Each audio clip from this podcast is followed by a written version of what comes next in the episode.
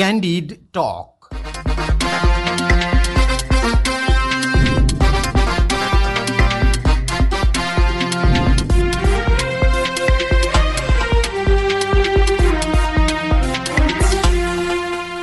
नमस्कार। कार्यक्रम क्यान्डिड टकमा तपाईँलाई स्वागत छ। म विष्णु विश्वकर्मा। रेडियो क्यान्डिडको प्रस्तुति कार्यक्रम क्यान्डिड टक तपाईँले शनिबार बाहेक हरेक दिन बिहान साढे छ बजेदेखि सात बजेसम्म सुन्न सक्नुहुन्छ। समसामयिक विषयमा कुराकानी हुने यो कार्यक्रम तपाईँले काठमाडौँ उपत्यका र आसपासका जिल्लामा ninety two point seven mega हर्जमा radio क्यान्डिडेटको Facebook page Hamro Patro radio क्यान्डिडेटको apps र पोडकास्टमा समेत सुन्न सक्नुहुन्छ।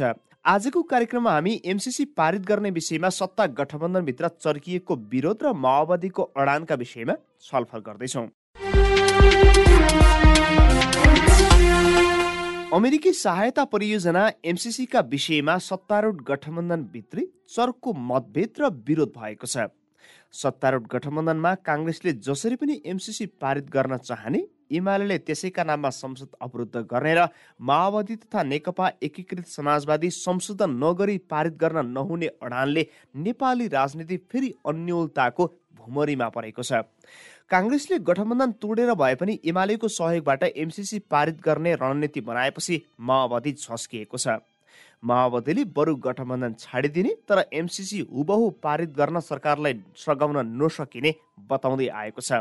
यसले स्थानीय तहको चुनावसम्मै गठबन्धन लैजाने सत्तारूढ दलहरूको बोलीमा संशय थपिदिएको छ। खास गरी माओवादीले लिएको अडानले गर्दा गठबन्धन नै टुट्ने हो कि भन्ने चिन्ता पनि बढेको छ। आखिर माओवादी एमसिसीको यति धेरै किन विरोध गरिरहेको छ त? यस विषयमा छलफल गर्न अहिले हामीसँग हुनुहुन्छ माओवादी स्थायी कमिटी सदस्य देव गुरुङ यसलाई स्वागत छ कार्यक्रममा गुरुङज्यू धन्यवाद अब पहिला त अहिले असाध्यै धेरै चर्चा भएको विषय र धेरैलाई चिन्ता भएको विषय पनि संविधान जोगाएको गठबन्धन एउटा अमेरिकी सहायता परियोजना एमसिसीले साँच्चै टुट्नै लाग्यो हो त? अब अहिले नै त्यो निष्कर्षमा त नपुगौँ भन्ने लाग्छ। हजुर। किन भन्दाखेरि यो गठबन्धन सुरु गर्ने बेलामा अब संविधानको रक्षा गर्ने डेमोक्रेसीको रक्षा गर्नुपर्छ साथै राष्ट्रिय स्वाधीनताको रक्षाको लागि पनि एकै ठाउँमा उभिनुपर्छ भन्ने मान्यताको आधारमा चाहिँ गठबन्धन सुरु भएको हो। हजुर। अहिले एमसिसीको मुद्दा निश्चय पनि राष्ट्रियताको मुद्दा हो स्वाधीनताको मुद्दा हो। यो मुद्दामा एकै ठाउँमा उभिनुपर्ने आवश्यकता हो। यसमा थोरै विविधता देखा परेको छ। त्यस्तो विविधताहरू के के हुन् तपाईँहरूकै शब्दमा? तर पनि अहिले छलफलकै क्रममा भएको हुनाले चाहिँ। अहिले नै निष्कर्ष निकाल्नुको सायद छिटो नहोला भन्ने लाग्छ। अब यसमा तपाईँले अघि विविधता भन्नु पनि यो अहिले राष्ट्रियताको विषयमा माओवादीले एमसिसीमा राखेका केही फरक मतहरू विविधताहरू त्यस्ता के के हुन्? अलिक त्यो पनि खुलाइदिनुहोस् न। यसमा त अब तपाईँ देखिरहनु भएकै छ। नि, नेपाली काङ्ग्रेसको अथवा प्रधानमन्त्रीज्यूको एउटा फरक धारणा छ। अरू दलहरूको फरक धारणा छ। त्यसमा त फरक देखिरहेकै छ त सार्वजनिक नै भएको छ त। जस्तो यसमा दुईवटा कुरा मुख्य एउटा सत्ता गठबन्धनले ए एमसिसीमा जसरी तपाईँहरूको तिन धारको कुरा आयो कङ्ग्रेसले जसरी पनि पास गर्नुपर्छ भन्ने यता एकातिर एमाले पनि हिजोका सत्तामा आउँदा पास गर्नुपर्छ भन्ने तर प्रतिपक्षमा अहिले पास गर्न नचाहने माधव नेपालले पनि यो हुबहु पास गर्न हुँदैन भन्ने यो तिन धारले चाहिँ कतै अमेरिकी योजना नेपालको राजनीति अस्थिरतातर्फ लैजाने त होइन भन्ने प्रश्न हो तपाईँको मुख्य चाहिँ? तिन धार भन्दा पनि मुख्य रूपमा दुईटा धार हो। एउटा हुबाहु रूपमा पास गर्नुपर्छ भन्ने। एउटा चाहिँ अहिले यो यसमा थुप्रै असमान शर्तहरू असमान सम्झौताका प्रावधानहरू रहेको हुनाले चाहिँ यो संशोधन नगरिकन हुँदैन भन्ने चाहिँ होइन? र यो आइपिएसको पार्टको रूपमा आएको हुनाले स्ट्राटेजिक रूपमा आएको हुनाले चाहिँ यो विशुद्ध आर्थिक योजनाको रूपमा परिणत गरेर संशोधन गर्न तयारी हुने हो भने चाहिँ ठिक छ यसलाई अगाडि बढाउन सकिन्छ। आर्थिक सहायताहरू लिने दिने भन्ने कुरा त यो चलिरहने प्रक्रिया हो। त्यस कारणले गर्दाखेरि यो आर्थिक परियोजनाको रूपमा मात्रै सीमित रहने हो भने यसमा विवादको विषय रहेन समस्याको विषय रहेन। यो चाहिँ सैन्य रणनीतिसँग जोडिएको हुनाले त्यो पार्ट चाहिँ र त्यसलाई आकर्षित गर्ने खालका प्रावधानहरू चाहिँ सबै संशोधन गर्नुपर्छ भन्ने कुरा चाहिँ हो। त्यस कारणले हुबाहु रूपमा स्वीकार गर्ने कि अथवा यसलाई संशोधन गर्ने भन्ने दुईटा धार हो एमालेको जहाँसम्म कुरा हो अब त्यो कुरा अब प्रश्न त एमाले गर्लान् हजुर हिजोको सन्दर्भमा उहाँहरू टोटली पास गराउनलाई चाहिँ सम्पूर्ण रूपले ज्यान प्राण थाल्नु भएकै हो लाग्नु भएकै हो होइन र क्याबिनेटबाट पास गर्नु उहाँकै पालामा क्याबिनेटबाट पास गर्नु भएको हो सदनमा टेबल गर्ने कुरा थिएन त्यो बेलामा चाहिँ। पहिले सम्झा गर्दाखेरि सदनमा टेबलको परिकल्पना गरिएको थिएन। र परिकल्पना नगरेको मात्रै होइन कि सदनमा टेबल नगर्ने र चाहिँ कानुन नबनाउने भनेर चाहिँ दफा छमा चाहिँ बकाइदाले निर्णय गरेका छ। तर पछिल्लो समयमा चाहिँ तपाईँको नेपाल सरकारले ओलीजीको पालामा सदनमा टेबल गर्ने भनेर चाहिँ निर्णय गर्यो। सदनमा टेबल गर्नलाई कानुनी ग्राउन्ड छैन भन्ने कुरा उठ्यो। कानुनी ग्राउन्ड बनाउनका लागि तात्कालीन कानुन मन्त्रीले चाहिँ यो चाहिँ के अरे यो अन्तर्राष्ट्रिय कानुन आकर्षित हुने भएको र यो चाहिँ संविधान पनि कानुन पनि राष्ट्रिय कानुन पनि सबै निष्क्रिय गराउनु पर्ने भएको हुनाले चाहिँ सदनबाट अनुमोदन गर्नुपर्छ भनेर यस्तो कुतर्क गरेर चाहिँ तपाईँको चाहिँ सदनबाट चाहिँ अनुमोदन गर्नका लागि चाहिँ सिफारिस गरेको हो। यसरी क्याबिनेटको निर्णय र कानुन मन्त्रालयको सिफारिस पश्चात चाहिँ सदनमा लिएर आउनु खोजेको चाहिँ हो त्यो चाहिँ तपाईँको स्ट्राटेजिक पार्टनरसिपमा गइसकेपछि यो जस्तो दुई हजार सत्रमा यो एग्रिमेन्ट भयो होइन दुई हजार अठारभरि चाहिँ यो कुरा चाहिँ तपाईँको चाहिँ सदनमा जाने कुरा चाहिँ त्यति उठेको थिएन चाहिँ दुई हजार अठारको लास्ट लास्टतिर दुई हजार उन्नाइसको सुरुमा चाहिँ जब चाहिँ परराष्ट्र मन्त्री चाहिँ अमेरिका भिजिट गरेर चाहिँ फर्कनु भयो र त्यो रूपले फर्किसकेपछि अब सायद उनीहरूले यो आइपिएसको पार्ट हो भन्ने कुरा चाहिँ सायद सैद्धान्तिक रूपले के के कुराकानीहरू भयो त्यो कुराकानी पश्चात चाहिँ अनि सदनबाट अनुमोदन गर्नुपर्ने भन्ने कुरामा जोड बल रह्यो चाहिँ। होइन? त्यस कारणले आइपिएसको पार्ट बनाइसकेपछि सदनबाट अनुमोदन गर्ने कुरा उठेको हो। अन्यथा यो सदनबाट अनुमोदन गर्ने कुरा उठेको थिएन चाहिँ। त्यसो भएको हुनाले आर्थिक परियोजनाहरू अहिलेसम्मका आर्थिक परियोजनाहरू त थुप्रै मुलुकहरूसँग थुप्रै दात्री निकायहरूसँग सम्झौता गरेका छ चाहिँ। कुनै पनि सम्झौता चाहिँ तपाईँ सदनमा अनुमोदन गर्ने विषय थिएन चाहिँ। गरेको प्र्याक्टिस छैन। नेपालको संविधान नेपालको कानुन नेपालको सन्धि ऐन कुनैले पनि तपाईँ सदनमा अनुमोदन गर्ने प्र्याक्टिस छैन। त्यसो भएको हुनाले चाहिँ यो संवैधानिक रूपले कानुनी रूपले सदनमा टेबल गर्ने यसको संवैधानिक ग्राउन्ड छैन कानुनी ग्राउन्ड छैन भन्ने एउटा तर्क। अब त्यसलाई चाहिँ तपाईँको चाहिँ अब स्ट्राटेजिक बनाउनलाई त रणनीतिक खालको बनाउनलाई त संविधान निष्क्रिय गर्नु पर्यो राष्ट्रिय कानुनहरू निष्क्रिय गराउनु पर्यो संसदलाई निष्क्रिय गराउनु पर्यो अदालतलाई निष्क्रिय गराउनु पर्यो सरकारलाई निष्क्रिय गराउनु पर्यो र सार्वभौम अधिकार खण्डित गर्नु पर्यो। सार्वभौम अधिकार खण्डित नगरिकन त सेना मुभ गर्न त सक्दैन। सार्वभौम अधिकार खण्डित नगरिकन हतियार मुभ गर्न सक्दैन। होइन सार्वभौम अधिकार खण्डित नगरिकन सैनिक मोबिलिटी चाहिँ अगाडि बढाउन सकिँदैन चाहिँ। होइन त्यस कारणले गर्दाखेरि यो त चाहिँ सार्वभौम अधिकार खण्डित गरेको अवस्था मात्र नै चाहिँ तपाईँको चाहिँ सबै गतिविधिहरू अगाडि बनाउन सक्ने भयो सार्वभौम खण्डित गर्नलाई त अदालतबाट के अरे संसदबाट अनुमोदन नगरिकन त सार्वभौम अधिकार त खण्डित गर्न सकिँदैन चाहिँ। होइन त्यस कारणले गर्दाखेरि चाहिँ यो चाहिँ तपाईँको शीर्षक मात्र आर्थिक शीर्षक चाहिँ भिराएर कन्टेन्टमा चाहिँ अन्तर्यमा चाहिँ कहाँ लिएर आयो भन्दाखेरि चाहिँ स्ट्राटेजिक रूपले चाहिँ लिएर आएको हुनाले सदनमा अनुमोदन गर्ने खालको कुरा उठेको अवस्था हो। त्यसो भएको हुनाले हामीले यही चाहिँ कन्टेन्ट चाहिँ करेक्सन गर्न खोजेको भनेको यो अहिले तपाईँले करेक्सन गरेको मुद्दा अब खास गरी यो गठबन्धन नै टुट्छ कि भन्ने चिन्ता बढिन त यो भोलि यदि त्यो अवस्थाको रणनीति देखियो भने तपाईँहरूले संसद तपाईँहरूसँगै छ सरकार तपाईँहरूसँगै छ भोलि चुनावमा जाँदा पनि तपाईँहरूको दल बिचमा एकता त भइहाल्छ। यो त भोलि तुरुन्तै त्यो ठाउँका ठाउँ रणनीतिमा तपाईँहरू एक्सन लिन सक्ने अवस्था पनि रहन्छ। अहिले यति धेरै त्रसित भएको चाहिँ भ्रमित भएको चाहिँ किन माओवादी? होइन त्रसित र नत्रसितको प्रश्न भन्दा पनि यो त स्वाधीनताको रक्षा हुन्छ कि हुँदैन भन्ने प्रश्न भयो। तपाईँ सैन्य रणनीतिमा जाने बित्तिकै संविधानले के भन्छ त नेपाल चाहिँ पञ्चशीलको सिद्धान्तलाई अङ्गीकार गरेका छ। असिमान आन्दोलनको सिद्धान्तलाई अङ्गीकार गरेका छ। कुनै पनि अन्तर्राष्ट्रिय मुद्दाहरूमा सैन्य गठबन्धन र सैन्य प्रतिस्पर्धाको आधारमा युद्धको आधारमा होइन। शान्तिपूर्ण संवाद र सहमतिको प्रक्रियाबाट चाहिँ समस्या समाधान खोजिनुपर्छ भन्ने सिद्धान्तलाई अङ्गीकार गरेका छ। होइन?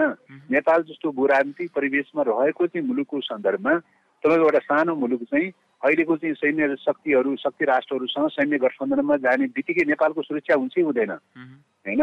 त्यो त जो कसैले पनि सोधै बन्न सक्ने विषय हो नि। होइन? सैन्य गठबन्धनमा जाने बित्तिकै नेपालको सुरक्षा त हुँदैन भन्ने त प्रश्नै छ त। होइन? नेपाल जस्तो भूरान्तिक स्थितिमा चाहिँ तपाईँको तेस्रो मुलुकको चाहिँ तपाईँको सेना सैन्य शक्ति चाहिँ नेपालमा अखडा बनाएर चाहिँ बस्ने बित्तिकै चाहिँ विगत कालदेखि दक्षिणले आफ्नो बपुजी ठानेको ठाउँमा चाहिँ तेस्रो शक्ति आउने बित्तिकै उसले स्वीकार गर्छै गर्दैन। र यहाँ सैन्य अखडा कायम राख्ने भनेको उत्तरलाई परिलक्षित गरेर हो चाहिँ। होइन आफ्ना विरुद्धमा सिमानामा आएर सेना तैनात गरेपछि उसले सहँदै सहँदैन चाहिँ। अनि त्यो स्थितिमा चाहिँ देखो नेपालको सुरक्षा हुन्छै हुँदैन। के नेपाली सेनाले लडेर नेपालको सुरक्षा गर्ला भनेर कल्पना गर्न सक्नुहुन्छ? होइन त्यस कारणले गर्दाखेरि यस्तो अवस्थामा चाहिँ तपाईँको यस्तो भूरान्तिक अवस्थामा सैन्य गठबन्धनमा जाने भन्ने कुरा त चाहिँ चान्चुने कुरा होइन नि। नेपालको अस्मिता र जीवन मरणसँग जोडिएको विषय हो नि। त्यसो भएको हुनाले चाहिँ यो चाहिँ तपाईँको सैन्य गठबन्धनमा जाने कुराको चाहिँ बारेमा यो त गम्भीर विषय हो।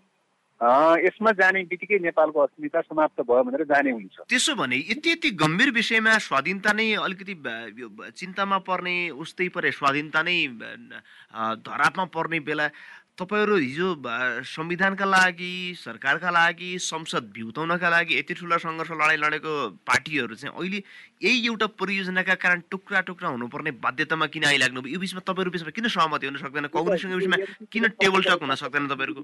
यो त एमसिसीका पक्षधरहरूसँग प्रश्न गर्ने विषय पऱ्यो हामीसँग प्रश्न गर्ने विषय परेन। त्यसो एउटा पाटो जस्तो तपाईँहरूले यति बेला संसद बिउत आएको जस पनि तपाईँहरूले पाउनु भएको छ किनकि तपाईँले सडक आन्दोलनदेखि सर्वोच्चसम्म एक किसिमको मुद्दा लड्नुभयो। अहिले सरकार आयो सरकार तपाईँको गठबन्धनकै बनेको छ चुनावमा तपाईँहरूको एक किसिमको सहमति भइसकेको छ चुनाव गर्ने भन्ने विषयमा। अब यति महत्त्वपूर्ण समयमा आउँदा यही एउटा विषयले यति धेरै तरङ्गित हुँदा चाहिँ यसले जनतामा राम्रो मेसेज जान्छ? होइन जनतामा राम्रो मेसेज जाने नजाने प्रश्न भन्दा पनि मेन रूपमा चाहिँ तपाईँ मुलुकको स्वाधीनताको रक्षा गर्नु पर्यो रक्षा गर्ने कुरामा सहमति हुन्छ सहकार्य हुन्छ प्रक्रिया अगाडि बढ्छ सहमति र समझदारीको आधारमा अगाडि बढ्छ। स्वाधीनताको रक्षाको चाहिँ सवालमा सहमति हुन सकेन भनेदेखि त चाहिँ स्वाधीनताको प्रश्न जस्तो ठुलो चिज त केही पनि छैन त तर नेपालको कन्टेक्समा के पनि भएको छ भने गुरुङ संविधानका इस्यु डेमोक्रेटिक इस्युहरूको सन्दर्भमा एकपल्ट खुस्किएको रहेछ भने नि फेरि लडेर पुनर्स्थापना गर्न सकिने सम्भावना रहन्छ। तर स्वाधीनताको मुद्दामा त नेपाल चाहिँ अहिले चाहिँ विदेशीको नियन्त्रणमा गयो भनेदेखि त अब नेपाल फर्कौला फर्केला भन्ने त सम्भावना छैन पछि। तर यो कता कता के भन्छन् भने आज एमालेको स्ट्यान्ड देखेर हिजो एमाले सत्तामा आउँदा चाहिँ यो जसरी पनि पास गर्नुपर्छ भन्ने देखिएको थियो। आज प्रतिपक्षमा हुने बित्तिकै यो पास गर्नै हुन राष्ट्रघाती भन्छ। यो भनेको विदेशी परियोजनाहरू तपाईँले कतै भोट बटुल्ने अस्त्रका रूपमा पनि प्रयोग गर्नुहुन्छ भन्ने आरोप छ नि जनताबाट चाहिँ। त्यो त एमालेसँग सोध्ने विषय पऱ्यो हामीसँग सोध्ने विषय परेन। त्यसो भने अब त्यसो भने अहिले अब तपाईँले यही भन्ने कुरालाई यदि यदि गुरुङजी तपाईँले यति भनिरहँदा कङ्ग्रेस र एमालेको बरु गठबन्धन बन्ने तर सरकारसँग तपाईँहरूको गठबन्धन अर्थात् कङ्ग्रेससँग तपाईँको गठबन्धन टुट्ने सम्भावना बलियो बने हो? यही कारण? त्यही त मैले अघि नै भनिरहेको छु त राष्ट्रियताको मुद्दामा समान धारणा बन्यो। त्यही राष्ट्रिय स्वाधीनताको रक्षाको सन्दर्भमा समान धारणा बन्यो भने चाहिँ सहकार्य त्यही आधारमा हुने कुरा भयो। हजुर। होइन राष्ट्रियताकै मुद्दामा समान धारणा बनेन राष्ट्रघात र राष्ट्रवादको बिचको चाहिँ दूरी चाहिँ बढ्दै गयो भनेदेखि त चाहिँ। होइन? बढ्दै गयो भनेदेखि त त्यहाँ त सहकार्यको त कुनै औचित्य रहँदैन त चाहिँ। गठबन्धन भनेर भनेको त चाहिँ तपाईँको चाहिँ देशको स्वाधीनताको रक्षार्थ चाहिँ गठबन्धन अनुकूल हुन्छ हुँदैन भन्ने कुरा पनि संविधानकै बचाउनका लागि हो तपाईँहरूको गठबन्धन संविधान बचाउनलाई गठबन्धन गरियो र संविधानलाई एक हदसम्म अहिलेसम्म बचाउन सफल भएको छ। त्यस्तै गरी देश बचाउनलाई चाहिँ तपाईँको चाहिँ उपयोगिता हुन्छ यो गठबन्धन। भने चाहिँ तपाईँको समान धारणा बन्यो भने चाहिँ देश बचाउनलाई उपयोगिता हुन्छ। अब देश बचाउनलाई समान धारणा डेभलप गर्न सकेन राष्ट्रघात र राष्ट्रवादको दिशातर्फ जान थाल्यो भनेदेखि त होइन? त्यसले त देश त बचाउन सक्दैन थिएन देशको स्वाधीनताको रक्षा गर्न त सक्दैन त। रक्षा गर्न सकेन भने त गठबन्धनको के औचित रहन्छ भन्ने क्वेसन आउँछ। होइन? गठबन्धनको तात्पर्य त डेमोक्रेसीको पनि रक्षा गर्नु पर्यो राष्ट्रियताको पनि रक्षा गर्नु पर्यो। रक्षाको लागि कामयाबी हुन्छ सहायक अङ्ग बन्छ भने चाहिँ त्यसको रक्षा गर्ने कुरा हुने भयो त्यसको कन्टिन्यू निरन्तरता दिने कुरा भयो। होइन? राष्ट्रिय स्वाधीनताको लागि रक्षा गर्नलाई पनि चाहिँ तपाईँको चाहिँ कमन धारणा बन्न सक्दैन। डेमोक्रेसीको रक्षा गर्नलाई पनि कमन धारणा बन्न सकेन भनेदेखि त त्यो गठबन्धनको त के अर्थ रहन्छ यसले अब निकै चुनौतीपूर्ण अवस्थामा आइपुग्यो। अब संशोधनको एउटा माध्यम हुन सक्छ तपाईँहरू दुइटै गठबन्धन जोगाउने अस्त्रका रूपमा चाहिँ। संशोधनमा कङ्ग्रेस सहमति नभएको हो कि तपाईँहरूसँग बार्दै नचले हो संशोधनको लागि कङ्ग्रेस तयार नभएर नै अड्किरहेको छ त अहिलेसम्म। भनेको यसमा लागि प्रस्ताव तयार गरेर चाहिँ पठाउँ चाहिँ एमसिसी कम्पनीसँग भनेर भन्दाखेरि उहाँहरू तयार नभएर नै अड्किरहेको हो। त्यसो भने त अब कि वार कि पार हुने पो देखियो त गुरुङजी यो गठबन्धनको मुद्दा त। अब वैचारिक सङ्घर्षको इस्युमा त विचारमा त पर्छ त सङ्घर्ष त पर्छ। अब विचारको दृष्टिकोणको प्रश्न हो। हजुर। अहिलेको युगमा अहिलेको साम्राज्यवादको युगमा चाहिँ तपाईँको मुलुकको स्वाधीनतालाई केन्द्रबिन्दु बनाएर बढ्ने हो कि?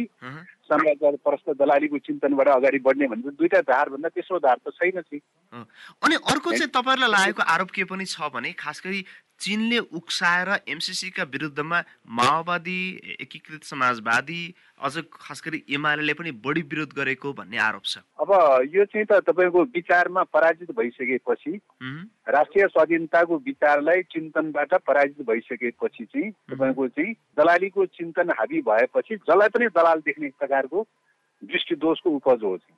होइन? हजुर। अब विदेशीहरूको परियोजनाको सन्दर्भमा विदेशीले जे जे भन्छ त्यसैको चाहिँ जो दलाली गरिरहेका चाहिँ छन् दलालीको चिन्तनलाई छोपछाप गर्नका लागि चाहिँ स्वाधीनताका पक्षधरहरू देशभक्तहरूमाथि लगाउने खालको आरोप त्यस्तै लगाउने गर्छ। भनेको काङ्ग्रेस त अब चरित्रलाई रोक्न रोक्न आफ्नो दलाल चरित्रलाई छोप्नका लागि चाहिँ अरूलाई पनि दलाल भनिदिने चाहिँ अब भनेको काङ्ग्रेस काङ्ग्रेस दलाली शैली देखाएको भन्ने तपाईँको आशा देखियो। त्यसो भने तपाईँ र एमाले बिचमा अब सहमति होला त? माओवादी र एमाले बिचमा सहमति होला? एमसिसीले त यस्तै यस्तै कुरा देखाएको यस्तै कुरा सत्तामा ल्यायो। तपाईँहरू र एमाले बिचमा सहमति भएर एमसिसी असफल पार्ने योजना सफल होला? होइन अब अब अब एमालेको सन्दर्भमा त एमाले दृष्टिकोण क्लियर गर्ने अब यस्तो यो यो राष्ट्रिय मुद्दामा राष्ट्रिय सहमति त आवश्यक छ। किनभने अब यहाँ जता बहुमत पुग्यो त्यो त्यसैले निर्णय गर्ने होला नि। जस्तो कङ्ग्रेस अहिले हुबहु पारित गर्ने पक्षमा छ भने तपाईँहरू खास गरी एमाले माओवादी र एकीकृत समाजवादी तपाईँहरू तिनवटा दल चाहिँ यसलाई हुबहु होइन संशोधन गरेर पारित गर्नुपर्छ भन्नुहुन्छ भने त्यसो भने त एमालेसँग तपाईँको गठबन्धन फेरि फेरि हुन सक्ने सम्भावना देखियो नि। यो चाहिँ यो त एमालेको लाइनमा भर पर्ने विषय पर्यो भनेको चाहिँ। हाम्रो लाइनमा भर पर्ने विषय पर्दैन चाहिँ। त्यो त एमालेको लाइनमा भर पर्ने विषय पर्यो। हिजो विगत कालमा त सँगै थियौँ त चाहिँ। अब एमाले बिहान चान फालेर चाहिँ एमसिसी पास गर्न लागिसकेपछि ब्रेक भयो चाहिँ टुट्यो चाहिँ होइन? टुट्यो अब त्यो स्थितिमा चाहिँ एमाले विचार परिवर्तन गर्न तयारी हुन्छ। एमसिसीको बारेमा विचार परिवर्तन गर्न तयारी हुन्छ भने नि त विचारले डोराउने कुरा भयो पार्टीहरू त चाहिँ। हजुर। पार्टीहरू डोराउने भनेको त विचारले डोराउने कुरा हो। त्यहाँदेखि विचारमा परिवर्तन भयो भने त असम्भव भन्ने कुरा हुँदैन थियो। होइन? तर अब एमसिसीको पक्षमा लागिरहने खालको प्रक्रियाबाट जानुभयो भने त चाहिँ होइन? हिजो जे कारणले चाहिँ विभाजन भयो होइन? त्यो कुरा त यथावतै छ भन्ने कुरा हुन्छ भनेको स्वार्थ यथावत छ भन्ने कुरा देखिन्छ। त्यो त उहाँहरूको विचारमा भर पर्ने कुरा उहाँहरू देशभक्ति वेमा जानुहुन्छ कि अथवा राष्ट्रवादी वेमा जानुहुन्छ कि या राष्ट्रिय आत्मसम्मवादी वेमा जानुहुन्छ? दुईटा बाटो भन्दा तेस्रो बाटो छैन। बिचमा बस्ने ठाउँ त हुँदैन त चाहिँ होइन? त अहिलेको चाहिँ वर्ग सङ्घर्षको युगमा चाहिँ तपाईँको दुईटा वर्गीय पक्षधरता त एउटा पक्षधरता त लिनुपर्छ पर्छ चाहिँ। पर्छ पर्छ। अब यसमा दुईटै ढुङ्गामा खुट्टा राख्ने दुईटै ढुङ्गामा खुट्टा राख्ने भन्ने खालको अवसरवाद त त्यो त छैन दुई दिनको कुरा रामसाय मात्रै हुन्छ। भनेको त्यो एमालेको एमाले एमालेको प्रवृत्ति र शैली चाहिँ त्यही देखियो। दुवै ढुङ्गामा खुट्टा राखेर स्वार्थ जताउँछ त्यतै ढल्किने। तपाईँहरूको सिधा आरोप चाहिँ। मैले अर्को प्रश्न राखेको तपाईँलाई।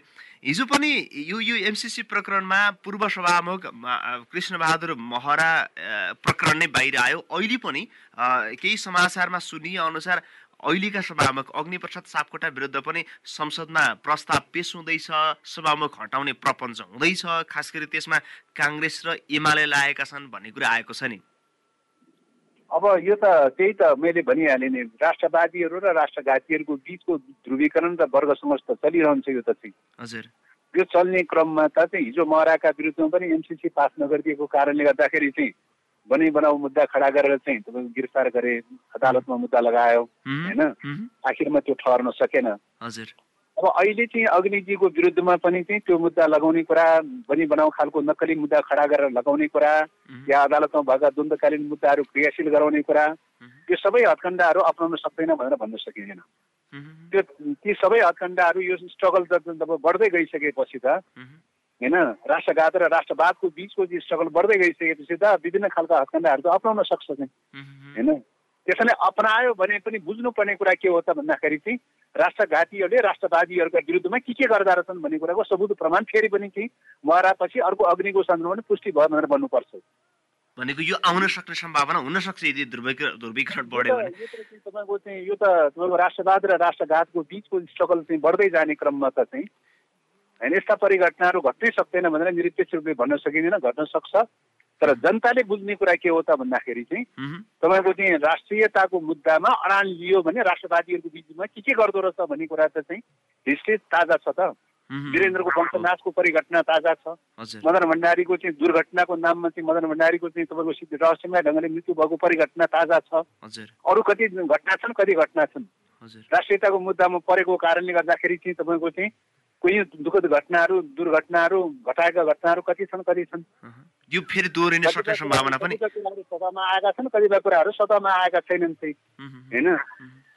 त्यो सम्भावना देखिन सक्छ। त्यसो भएको हुनाले अहिले चाहिँ तपाईँको अहिलेको चाहिँ सन्दर्भमा एमसिसीको मुद्दामा जब चाहिँ तपाईँको सदनमा विगत कालदेखि अ, जो बहस सुरु भयो बहस सुरु हुँदै गइसकेपछि सदनबाट टेबल गराउनलाई चाहिँ पटपट तात्कालीन चाहिँ तपाईँको ओली सरकारले जोडबल गरे। त्यो टेबल गरिदिएन भनेर चाहिँ महराको विरुद्धमा चाहिँ मुद्दा लगायो। आखिर त्यो मुद्दा ठहरेन चाहिँ होइन? मुद्दा ठहरेन चाहिँ होइन? तत्काल सभामुख चेन्ज गर्नलाई मात्रै सायद गरेको थियो भने देखिन्छ अब त्यसपछि चाहिँ सभामुखलाई चाहिँ तपाईँको चाहिँ उहाँहरूले चाहिँ आफ्नो अनुकूलताको एमसिसी पक्षधर सभामुख बनाएर चाहिँ एमसिसी पास गर्न खोज्नु भएको थियो त्यो कुरा हामीले मानेनौँ चाहिँ। मानेनौँ। अन्ततगत चाहिँ सभामुख चाहिँ अग्निजी हुनुभयो होइन? अब अग्निजीलाई चाहिँ तपाईँको एमसिसी पास गर्नलाई चाहिँ पटक प्रयास गरेकै हो ओलीजीकै पालादेखि पटक प्रयास गरेकै हो चाहिँ होइन? उहाँले त्यो रूपले पास गर्न तयारी नभएपछि उहाँलाई हटाउनुपर्छ उहाँलाई कारवाही गर्नुपर्छ अदालतको मुद्दा क्रियाशील गराउनुपर्छ चाहिँ भनेर चाहिँ एनजिओ आइएनजिओहरू मार्फत लबिङ क्याम्पेन गरेकै हो चाहिँ होइन? हटाउन पटक कोसिस गरेकै हो चाहिँ होइन? अब अदालतै डेडलक भएर चाहिँ रहिरहेको अवस्था भए हुनाले चाहिँ त्यो क्रियाशील नहुने कुरा चाहिँ आफ्नो ठाउँमा चाहिँ छ हजुर होइन? हजुर। त्यसो भएको हुनाले चाहिँ यो प्रयास त पटक चलिरहेको कुरा हो नि। अहिले पनि एमसिसी पास गर भनेर प्रेसर दिइरहेकै छ। किन एमसिसी पास गर्दैनौ भनेर चाहिँ एमसिसी पास नगरे विरुद्धमा चाहिँ तपाईँको कहिले के कहिले के गर्ने घेराबन्दी गर्ने कोसिस गरिरहेकै छ चाहिँ। विभिन्न न्युज झिकेर घेराबन्दी गर्ने कोसिस गरिरहेकै छ। भनेको यो अलिकति त्यति सह्य त्यति सहज ढङ्गको अवस्था परिस्थिति होइन भन्ने तपाईँहरूको बुझाइ छ। अब अन्तिममा अ, गुरुङजी मलाई अन्तिममा तिनवटा बुदा तपाईँले भनिदिनु पर्छ यो एमसिसीलाई अब कुन प्रक्रियाबाट गयो भने यो एमसिसीका विषयमा तपाईँहरू खास गरी तिन दल अझ गठबन्धन नै भनौँ वा राष्ट्रिय सहमति बन्ला। एक दुई तिनमा भन्दाखेरि कसरी जानु पर्ला? एसएससीका प्रावधानहरू संशोधन गर्नुपर्छ आइपिएसको पार्टबाट अलग गराउनुपर्छ। भनेको त्यो भनेको अहिलेका तपाईँहरूलाई चित्त नबुझेका बुदाहरू हटाउनुपर्छ। विशुद्ध आर्थिक परियोजनामा लैजानु पर्छ हुँ, हुँ, हुँ। विशुद्ध आर्थिक परियोजना भनेको विगत कालमा चाहिँ तपाईँको युएस एडसँग आर्थिक परियोजनाबारे सम्झौता भएको छ। विगत कालमा ब्रिटेनको डिएफआइडीसँग आर्थिक परियोजनाबारे सम्झौता भएको छ। हुँ, जेटीजेटसँग सम्झौता भएको छ। एसटिसीसँग सम्झौता भएको छ। ओपेकसँग सम्झौता भएको छ। जायकासँग सम्झौता भएको छ। त्यो आर्थिक परियोजनाको मोडेलमा जान किन तयारी भएन? आर्थिक परियोजना हो भने त आर्थिक परियोजना अनुसारको चाहिँ सम्झौता गरेर कार्यान्वयन गर्ने मोडेल त छँदैछ त। त्यो विगत कालमा त्यत्रो अभ्यास गरेर त्यत्रो प्र्याक्टिस गरिसकेको चाहिँ अभ्यासहरू छ। हजुर। त्यो मोडेलमा जान किन तयारी भएन? क्वेसन त्यो हो नि। हुँ, त्यो- मोडेलमा परिणत गर्ने हो भने चाहिँ आर्थिक परियोजना लिने दिने कुरा त कुनै समस्याको विषय भएन। यो त गरिराखेकै कुरा भयो। नयाँ कुरा त होइन त यो त। यो त सैन्य योजनासँग जोडेर लिइरहेकै कारणले गर्दा नै विवाद पैदा भएको अवस्था हो। भनेको त्यो सैन्य परियोजनाका बुदाहरू हटायो भने सहमति जुट्न सक्छ। त्यसमा त। शङ्कै छैन। त्यो त्यो- आर्थिक परियोजनाको बारेमा विवादै छैन नि। हजुर त्यो बुदामा राष्ट्रिय सहमति हुन पर्यो भन्ने तपाईँहरूको चर्को माग। निश्चित रूपले अब चाहिँ आर्थिक परियोजनामा परिणत गरौँ। आर्थिक परियोजनामा परिणत गरौँ त्यसमा राष्ट्रिय सहमति जुटाउँ होइन? त्यसमा त समस्याको विषय नै होइन अब अन्तिममा मेरो एउटै मात्र प्रश्न तपाईँले यो आर्थिक परियोजनाको विषयमा सैन्य परियोजना हट्यो भने त्यो बुदाबाट स्पष्ट सहमति हुन्छ भनौँ तर प्रचण्डको भित्री कुरा के आएको छ भने फेरि प्रचण्ड र देउबा बिचको आन्तरिक छलफलमा प्रचण्डले त हुन्छ मलाई त्यति समस्या छैन भनेको माओवादीले समस्या छैन गठबन्धन चाहिँ नटुटाउँ एमसिसी पारित गरौँ भन्नुहुन्छ अरे भन्ने पनि सुनियो फेरि। होइन अब उहाँको बारेमा के भन्नुहुन्छ के भन्नुहुन्न जसले जे जे भन्नुभएको उहाँहरू चाहिँ सोध्ने विषय पर्यो। हजुर। होइन? हजुर। अब हामीसँग सोध्ने विषय चाहिँ त परेन भन्ने लाग्छ। हाम्रो कुरा त संस्थागत रूपले चाहिँ तपाईँको चाहिँ बकाइदाले चाहिँ पहिले नै नेकपा छँदाखेरि पनि संस्थागत रूपले चाहिँ जलनाथजीको नेतृत्वमा बनेको कार्यदलले दिएको प्रस्तावलाई पन्ध्र बुँदे संशोधन प्रस्तावलाई चाहिँ पार्टीले हुबाहु अनुमोदन गरेका छ होइन? त्यसपछि चाहिँ के अरे पार्टी विभाजन भइसकेपछि नेकपा माओवादी बनिसकेपछि चाहिँ तिन तिन पटक त चार पटक स्थायी समितिको बैठक बसेर यथास्थितिमा पारित गर्न सकिँदैन। संशोधन नगरिकन हुँदैन। उहुँ, राष्ट्र हित प्रतिकूलका प्रावधानहरू संशोधन नगरिकन हुँदैन। भन्ने कुरा तपाईँको स्थायी समितिले पटक पटक निर्णय गरिरहेको छ। त्यति मात्रै होइन अहिले सबभन्दा पछिल्लो समयमा महाधिवेशनले बकाइताले सर्वसम्मत रूपले चाहिँ यथास्थितिमा पारित गर्न सकिँदैन। र यो चाहिँ संशोधन नगरिकन राष्ट्रिय हित प्रतिकूलका प्रावधानहरूलाई संशोधन नगरिकन हुँदैन भन्ने कुरा महाधिवेशनले एक मतले सर्वसम्मत रूपले त्यो डकुमेन्टेसन गरेर पारित गरिरहेको चाहिँ छ। त्यो प्रस्ताव राख्ने अध्यक्ष हुनुहुन्थ्यो। अध्यक्षले प्रस्ताव राखेर चाहिँ सर्वसम्मत रूपले पारित गरिरहेको चाहिँ छ। होइन? त्यत्रो जीवन्त तथ्यहरू हुँदा हुँदै चाहिँ तपाईँको चाहिँ को व्यक्तिले कुन ठाउँमा के भनेर कसो भन्यो भन्ने कुराको चाहिँ तपाईँको चाहिँ पुष्टि नहुने चाहिँ खालको कुराको पछाडि लाग्नुको कुनै अर्थ औचित्य छ भन्ने लाग्दैन। हस् निकै चुनौतीपूर्ण समय छ। चुनौतीपूर्ण समयमा गठबन्धन रहने कि टुट्ने भन्ने प्रश्नका बावजुद पनि तपाईँले हामीसँग मिठो संवाद गर्नुभयो। आफ्ना कुरा राख्नुभयो। समयका लागि धेरै धन्यवाद देवगुरुजी धन्यवाद। उहाँ हुनुहुन्थ्यो माओवादी स्थायी कमिटी सदस्य देव गुरुङ एमसिसीका विषयमा माओवादीको अडानका विषयमा कुराकानी गर्दै। हौस् त आजलाई क्यान्डिड टक यति नै। भोलि फेरि नयाँ र फरक विषयमा कुराकानी गर्नेछौँ। प्रविधि संयोजनका लागि सशिन्द्र गौतम र सिर्जना भुजेललाई धन्यवाद दिँदै म विष्णु विश्वकर्मा पनि कार्यक्रमबाट विदा हुन्छु। नमस्कार। Candid talk